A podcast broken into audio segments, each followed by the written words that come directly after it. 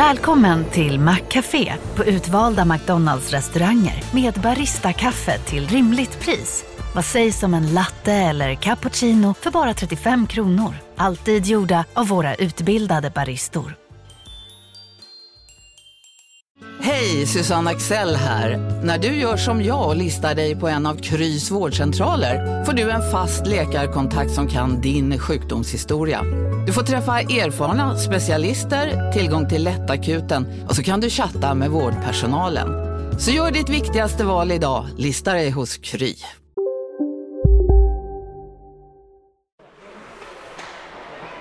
Vi har eh, varit i Farsta, Elinor. Mm. Mm, dina gamla barndomshoods. Ja, underbara Farsta IP, deras ishall där jag blev traumatiskt tacklad i huvudet av en som kallas för Biffen. Jag var 13 typ. Det är klart han kallas för Biffen. Det, det läskigaste man kan tänka sig. Alltså, Va- eh, vad gjorde vi i Farsta? vi åkte skridskor såklart. Det vi ska göra på den här isen eh, är en eh, perfekt metafor faktiskt för hur hela vår ekonomi funkar och inte funkar. I alla fall om man frågar en av eh, 1900-talets allra största ekonomer.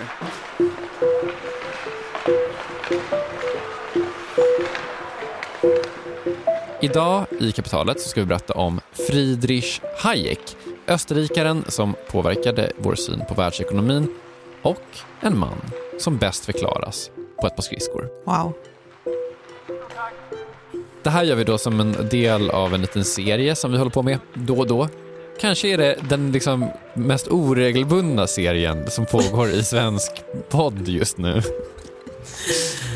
Vi har liksom tänkt att vi då och då ska blicka tillbaka i historien och välja ut några av eh, historiens mest betydelsefulla ekonomer eh, och så eh, berättar vi om dem. Vi minns ju till exempel alla när du och Åsa hade varit i Göteborg och sett en musikal om Milton Friedman Ja. och gjorde ett avsnitt om honom. Precis, Eh, och nu har det då blivit dags för nästa ekonom. Och för att kunna göra den här ekonomen rättvisa så räcker det ju inte med att det är du och jag som är på Farsta IP. Nej. Utan vi behöver också hjälp av FOK Farsta, P06, U18-lag som också är här på isen med oss. Välkomna. Jag hörde 06 mycket match den här veckan. Mycket, mycket. Vi har två, vi 18. Vi har besök på isen. Välkomna!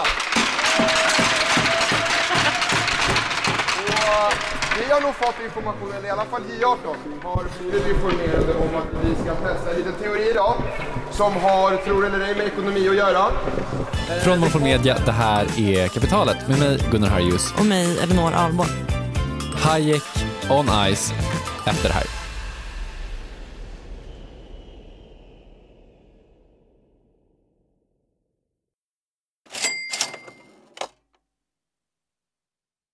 Kapitalet sponsras av SPP och Storebrand Asset Management. Eh, Storebrand och SPP hör ju ihop sedan många år och utan att gå in på några detaljer här och nu så kan vi i alla fall säga att eh, Storebrand förvaltar över 1200 miljarder kronor bland annat åt just SPP. Och du har ju träffat Storebrand, Jakob, och pratat om eh, Kina. Ja, eh, vi, vi pratar i alla fall om hur Kina blivit en sån otroligt viktig del i omställningen av energisystemet. Eh, över 70 procent av värdekedjorna inom vind och solkraft kontrolleras av Kina, vilket är s- otroligt när man tänker på det. Ja.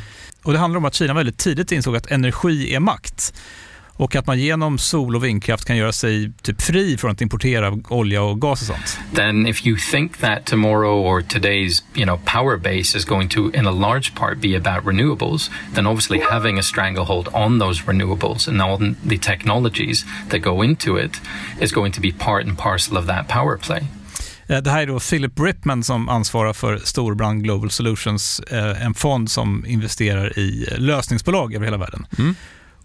Och hela det här avsnittet om Kina och geopolitiken som nu liksom är invävd i den globala omställningen, eh, den släpper vi som en bonus i- här i kapitalet nu i veckan. Idag ska vi alltså göra följande saker. 1. Förklara vem Friedrich Hayek var. 2.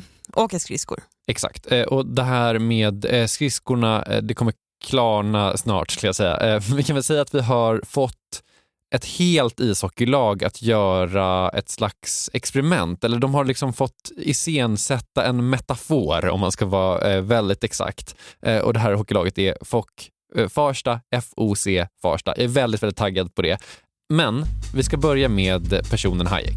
Ja, vem var han? Den korta versionen det är att Hayek var en liberal ekonom.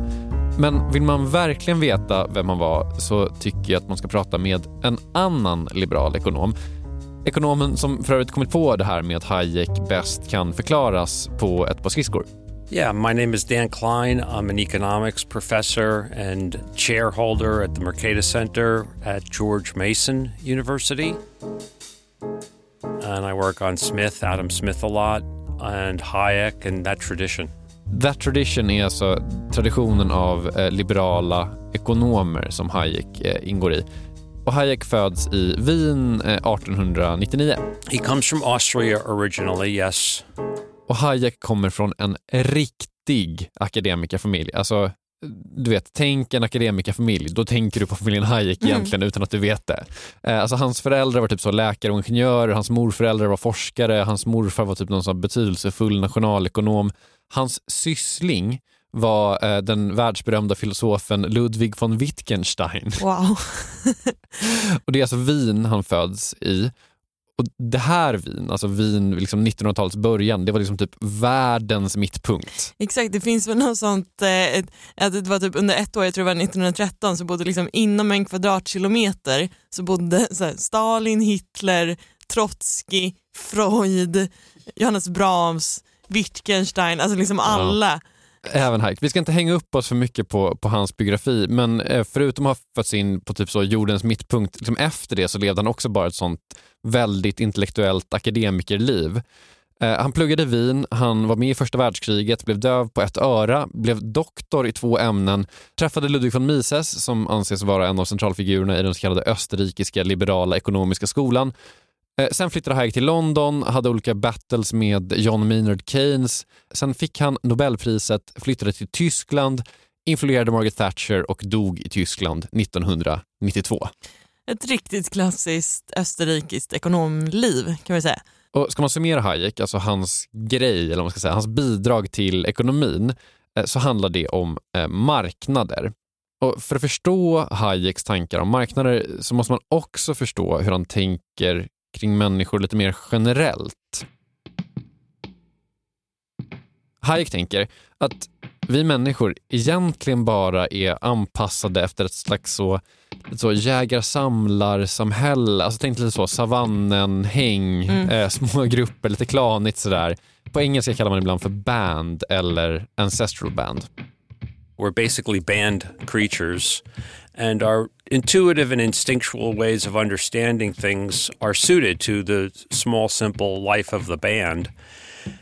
And we don't really understand the vast, modern, complex world that we now live in. And in some sense, we're fish out of water. Så han menar att vi egentligen bara är gjorda för att typ ta oss an det vi precis har framför oss. Ja, Alltså vi är dåliga på att tänka abstrakt. Okej, okay, Okej, så här. Alltså, Hayek menar att det liksom inte är naturligt för oss att tänka på hur moderna saker hänger ihop och funkar och skapas. Alltså typ, våra hjärnor, menar han då, är liksom gjorda för att så här, vi ser en sak och sen ska typ vi kunna återskapa den. Alltså vi ser en stenyxa och då ser man att det är jag vet inte, något eh, savannsnöre och en pinne och en sten och så har man knutit ihop dem typ så. Så Knuten med vass. Ja men exakt, det, min hjärna kan liksom ta in den yxan till fullo. Den är programmerad för att förstå den och förstå hur den används och jag kan bygga en själv så fort jag ser den. Men typ om man tar någonting bara typ pyttelite mer komplicerat än en yxa så kan man liksom inte lista ut vilket är det bästa sättet att få allting att funka, att så skapa en sak. Alltså, okay, det finns ett sånt klassiskt exempel då. Once you start thinking about how a woolen coat is made, that's Adam Smith's example, a, wool, a woolen coat. Adam Smith och Hayek eh, står varandra eh, ganska nära filosofiskt enligt Daniel Klein. and the literally millions of people who contribute to the making of a woolen coat. Om du vet, lamm ska födas upp, ull ska fraktas, knappar, vad det nu är, ska tillverkas, eh, tvättlappen i nacken ska formges. Without anyone planning all that production, you know, and riches, um, it, it seems marvelous. It seems wondrous. How can this happen without anyone even l- trying to plan this extensive production. Så vi människor är inte gjorda för att förstå hur komplext vårt samhälle är. Vi gjorda för att typ fiska. ja. Eh, Så därför så ska vi ehm, inte ha ett samhälle. eh, inte hålla på att göra ullrockar. Eller vad, vad är liksom Hayeks poäng?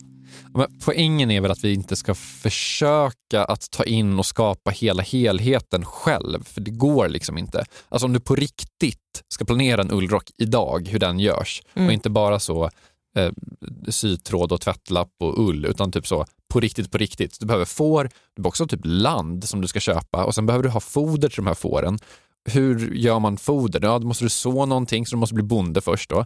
Och sen så måste du då skörda det här. Då måste du uppfinna en skördemaskin som gissningsvis går på typ bensin, så du måste typ hitta olja någonstans och typ bygga ett oljeraffinaderi. Och så ska du ha gummi till däcken som kör den här skördetröskan, vad det nu är. Alltså så här, ganska fort blir det totalt oövergripligt liksom och du har inte ens börjat klippa de här fåren. Mm. Jag tänker på så gammalt Carl Sagan citat som är typ så här, om man ska göra en äppelpaj från, från scratch så måste man börja med att så här, uppfinna universum. Ja precis, och, och jag menar att uppfinna hela universum, det är ju, det låter ju ganska hopplöst tycker jag, och Hayek. Mm. Men så här, poängen här någonstans är liksom att vi ska inte planera hela världsekonomin, tycker Hayek. Det går liksom inte att planera. Man ska inte ens försöka göra det. För liksom, trots att ingen har planerat något av det här eh, så görs ju ullrockar ändå. Mm. Och det är och, bra. och äppelpajer. och äppelpajer. Och det är till nytta för folk som behöver en ullrock och äppelpaj. Mm. Det blir bara till ändå. Och för att förstå hur det funkar enligt Hayek, då måste man faktiskt ta sig till Farsta IP. Vad ni ska göra. Därför testar vi teori. Hur man förklarar hela världsekonomin enligt Friedrich Hayek på en hockeyrink efter det här.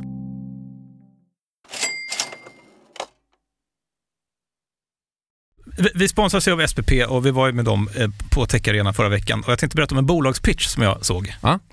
Det dyker upp en italiensk eh, tjej på scen som heter eh, Eleonora Cavani, en för detta bioingenjör och konsult som kommer på att bakteriekulturen i magen är en källa till en massa problem för folk. Eh, och att det liksom börjar tidigt i livet. I have a lot of allergies and I have eczema, and I've been through a lot uh, trying to change my diet and my lifestyle to really reduce my symptoms, which I managed to do.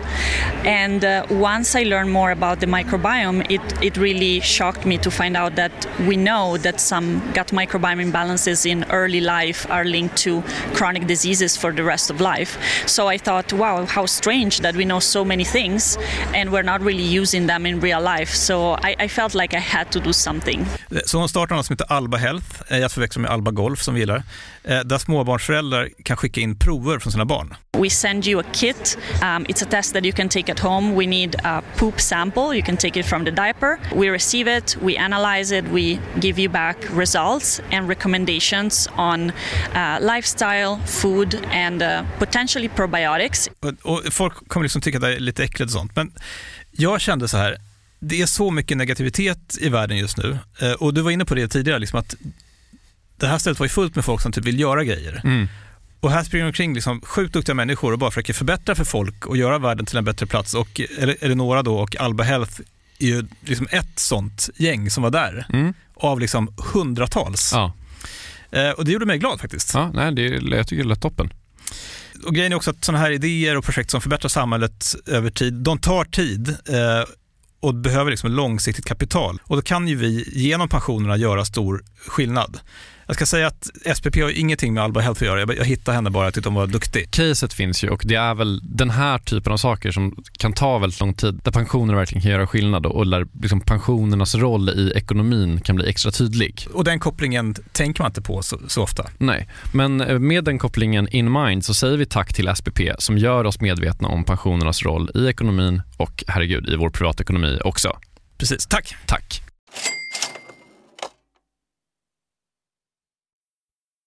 Du har ju lovat att hela världsekonomin, eller i alla fall Friedrich Hayeks version av hela världsekonomin, går att förklara på en hockeyrink. Ja, alltså okej, okay, nu ska vi vara jättetydliga. Egentligen så är det då den amerikanska ekonomiprofessorn Daniel Klein som har lovat att det går att förklara hela Hayeks ekonomiska filosofi på en hockeyrink. Eh, han har skrivit en artikel om det här som heter eh, Rinkonomics. It's about skating in a rink as a metaphor for activity in the economy at large, even the global economy. Okej, du lovade ju innan att vi skulle gå igenom två saker, Hayeks liv och skridskor. Och vi har nu kommit fram till skridskodelen, den här metaforen slash experimentet. Äntligen. Äntligen. Ja. För så här då, Daniel Klein säger ju då att ett väldigt bra sätt att beskriva Hayeks ekonomiska filosofi eh, det är att kolla på folk som åker skridskor. Så vi har då, Elinor Alborn, dragit ihop ett helt hockeylag Mm. Såna är vi. Såna är vi. Eh, Fock Farsta, eh, Fock Farstas P06 U18-lag eh, var det här. De ska då åka skridskor på lite olika sätt för att testa Hayeks typ hypotes kring hur, hur marknader funkar. Det är det som kommer hända nu här från med nu. Mm. Typ. Mm. Eh, vi kan låta Daniel Klein förklara för missen lite grann eftersom det är han som kommit på det här. Han, han har skrivit en artikel som heter Rinkonomics som ska förklara Hayeks tänkande typ. Eh, den första delen av det här, den här metaforen slash experimentet, det går ut typ, i princip på att man bara ska låta folk åka runt. Mm. Som på allmänningens skridskoåkning. Sånt, du vet. Hipp som happ. Hipp som happ. Hit och dit. Exakt. Bara för att förtydliga det som Dan Klein kommer säga nu. Han är amerikan, han är inte bekant med riktig skridskoåkning utan han är så rullskridsko, roller rink åkning. Men, det, men principen är densamma. Suppose you'd never been to a roller rink or a skating rink and a friend said to you, so somehow this is maybe back in time before the first one's invented, a friend said, Oh, I think I'm going to build a hard wooden floor, great big rink with an iron rail around it and invite people to come and strap wheels on their feet det låter ju ungefär som världens sämsta idé, alla kategorier. Kanske en ännu sämre idé med skridskor eftersom det inte är hjul man har på fötterna då utan knivar. And you would say, well, how are people going to avoid colliding with each other? How are, how are the patterns of skating of maybe 100 people going to be coordinated? Men, eh, och det är det här då som experimentet börjar, eh, när man faktiskt låter folk bara åka runt och försöka ha så roligt som möjligt så går det ju jättebra. Alltså det går hur bra som helst och det här vet vi för att vi har testat det.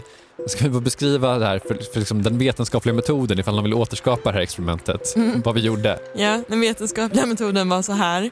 Eh, vi samlade hela hockeylaget i en zon, alltså en tredjedel av hockeyrinken eh, och sen så fick de först åka bara runt, runt, runt hur de ville efter bästa förmåga. Eh, nu får ni bara åka eh, precis hur ni vill och ha så roligt ni bara kan. Se hur det går. massa. Jävlar vad kul de hade. Kolla vad snabbt de åker. Alltså när Farsta-laget bara fick så åka runt och ha så kul de bara kunde. Alltså, det såg ju faktiskt otroligt ut. Mm. Det var som en, en bisvärm som liksom magiskt flyter både som så individer och en helhet på en och samma gång. Ja men precis, alltså, och det, till och med så att typ, du och jag som inte är jättebra på att åka skridskor kunde ändå typ så ta ett varv utan att bli ihjälkörda.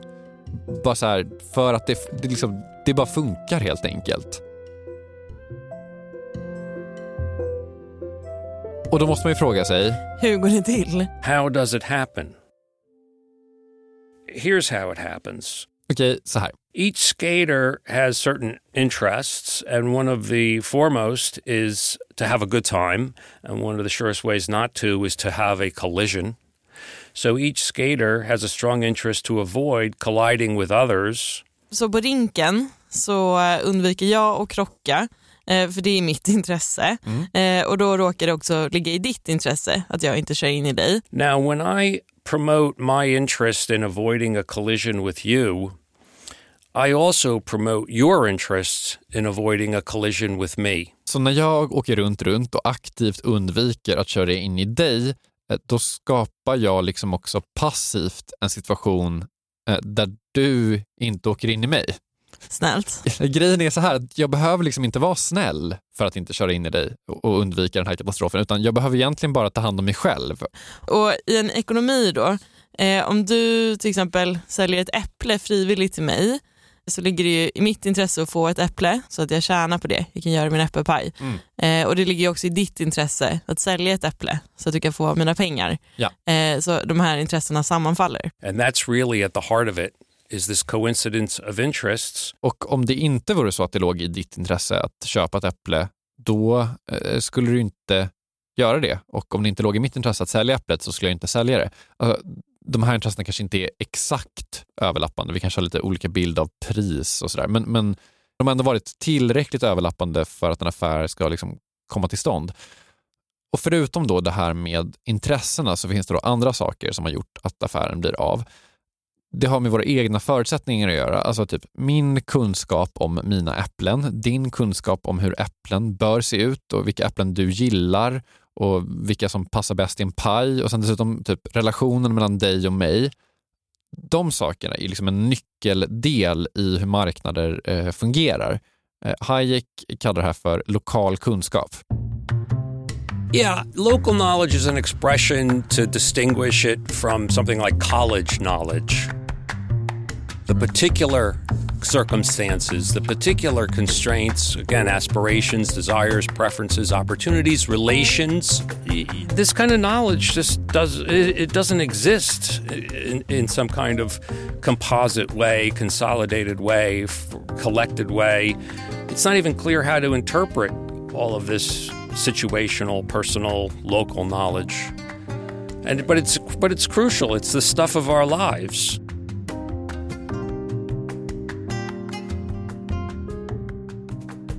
In the rink, it's it's like, can I handle this turn? Should do I want to go faster? Do I need to go to the bathroom? Am I losing my balance? And that's all moment by moment conditions. Så det här den lokala kunskapen i kombination med våra sammanfallande intressen, det skapar då det vi kan se i Farsta ishall. Eh, 20 stycken tonåringar som åker runt, runt eh, utan att eh, kollidera.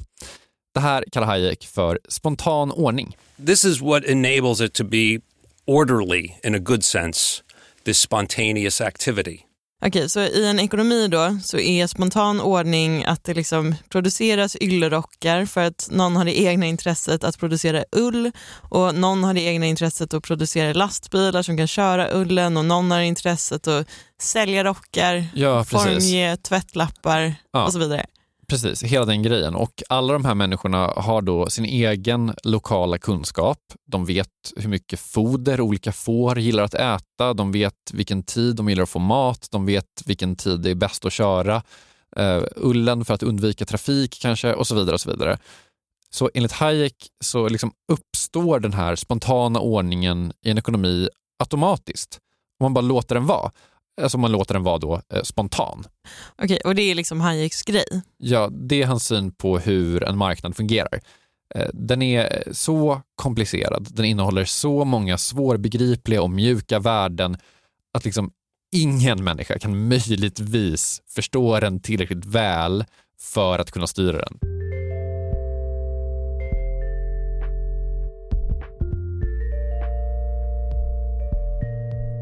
Men sen finns det ju då ett helt annat sätt som man kan göra det här på. Det här är då den andra eh, delen av den här metaforen och det andra experimentet som vi ska göra. Den lite mer eh, spännande delen, om jag får vara så, eh, som vi nu ska göra. Hela Hayeks teori går ju då ut på att om ekonomin får flöda fritt och människor inte regleras så hårt så kommer den funka bäst. På samma sätt då om skridskoåkare får åka skridskor fritt och inte regleras så kommer de åka skridskor bäst. Liksom. Medan om man har en central punkt, en, en central planner, It would be a catastrophe either in the roller rink or in the economy. men vi tänkte då, är det här verkligen sant? Mm. Skulle det bli en katastrof om man försökte centralt planera ett gäng skridskoåkares fria åkning? Ska vi beskriva, det här är ju då experimentdelen, ska vi Mm. beskriva vad vi gjorde här då? Eh, Okej, eh, vi hade fortfarande hela det här laget av 17-åriga hockeykillar i Mm. en zon. Ja. Men den här gången så fick du stå i mitten med megafon och liksom försöka planera alla individuella skridskoåkares åkning med målet att de skulle ha så kul som möjligt. Precis, att vi hade köpt en, en, en bra, bra jävla megafon. Det var inget fel på den. Verkligen inte. Bra tryck. Jättebra tryck. Och jag fick liksom skrika åt folk då så, sväng höger, väj för den, ta ett sånt här varv, gör så här, åk fortare, ja, och så vidare.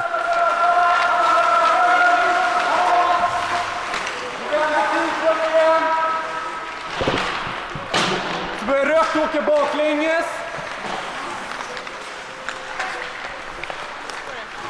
Alltså det går ju eh, bra för att de inte lyder vad jag säger. Det gick ju ganska prick som Daniel Klein trodde. De hade ju jättemycket tråkigare.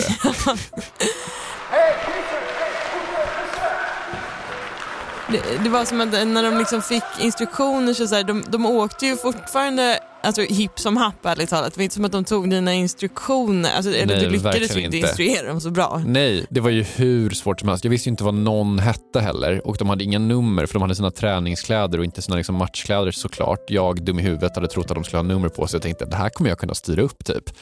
Exakt, så att de åkte ju liksom fortfarande lite kors och tvärs men mycket mer typ osäkert och eh, ledset. Ja men exakt, alltså även de som liksom, när de bröt mot mina instruktioner och kanske gjorde det de ville göra egentligen så gjorde de det ledset på något sätt. Man Ja. bara liksom såg att det inte fanns någon typ geist i skridskoåkningen. Det var så himla, så himla konstigt att se bara. Och det här med namnen eller numren, det var ju en sån local knowledge som man behövde för att styra ett hockeylag, kunskapen allas namn. Vill man se hur otroligt dåligt det gick för övrigt så, så, har, eh, så finns det på Instagram. Ja, kapitalet heter vi där. Precis. Så att okej, eh, utifrån skridskoåkning med Fock Farsta 406 så har ju Hayek i alla fall rätt, det kan vi säga. Men jag har en fråga här såklart som är vad är det som säger att en ekonomi funkar som en hockeyrink? Nej men eh, inget, antar jag, säger att det funkar exakt som en hockeyrink. Men Daniel Klein menar att det liksom finns likheter mellan människors förmåga att styra och styras, eh, som blir belyst av det här, och hur ett system som är ganska typ, vackert att titta på och ändå funkar eh, uppstår ur vad som till synes är kaos. So, yeah, I think the parallel works really well, as a matter of fact. Men sen är det såklart att ja, det här är ju då bara en metafor. Men grejen är att metaforer är ganska viktiga i ekonomin, tycker Daniel Klein.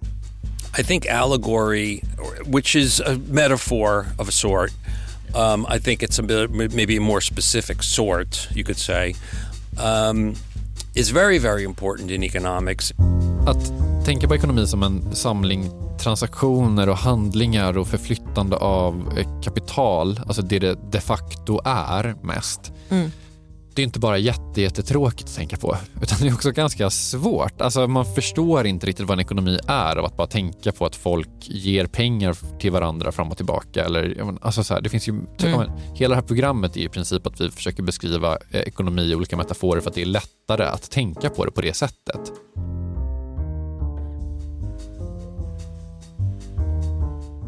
Alltså att prata i metaforer, eh, som Daniel Klein då har gjort för att beskriva Hayek, det gör liksom saker mer greppbara helt enkelt. Och om saker är mer greppbara så är det faktiskt viktigt för ekonomiskt eh, tänkande.